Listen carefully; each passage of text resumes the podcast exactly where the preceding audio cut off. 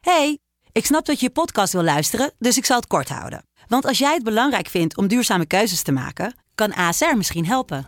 Nou hoor ik je denken, hoe dan? Nou, bijvoorbeeld bij het duurzaam herstellen van schade. Of de premies die we beleggen volgens ons duurzaam beleggingsbeleid. Dat bepaalt waar we wel en juist niet in investeren. Wil je meer weten over welke duurzame keuzes ASR maakt? Ga dan naar asr.nl slash duurzame keuzes. ASR doet het. Zo, dan kan je nu lekker naar je podcast luisteren. Hey, ik snap dat je je podcast wil luisteren, dus ik zal het kort houden. Want als jij het belangrijk vindt om duurzame keuzes te maken, kan ASR misschien helpen. Nou hoor ik je denken, hoe dan? Nou, bijvoorbeeld bij het duurzaam herstellen van schade. Of de premies die we beleggen volgens ons duurzaam beleggingsbeleid. Dat bepaalt waar we wel en juist niet in investeren. Wil je meer weten over welke duurzame keuzes ASR maakt? Ga dan naar asr.nl slash duurzame keuzes. ASR doet het. Zo, dan kan je nu lekker naar je podcast luisteren.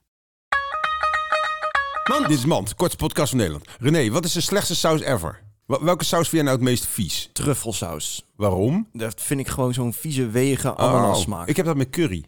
Hoezo? Currysaus, wat is dat voor saus? Eh Dat is net niks. Is dat een beetje ketchup met een beetje eh, Kurkuma? ketchup? Kerry? Waar komt curry hier vandaan?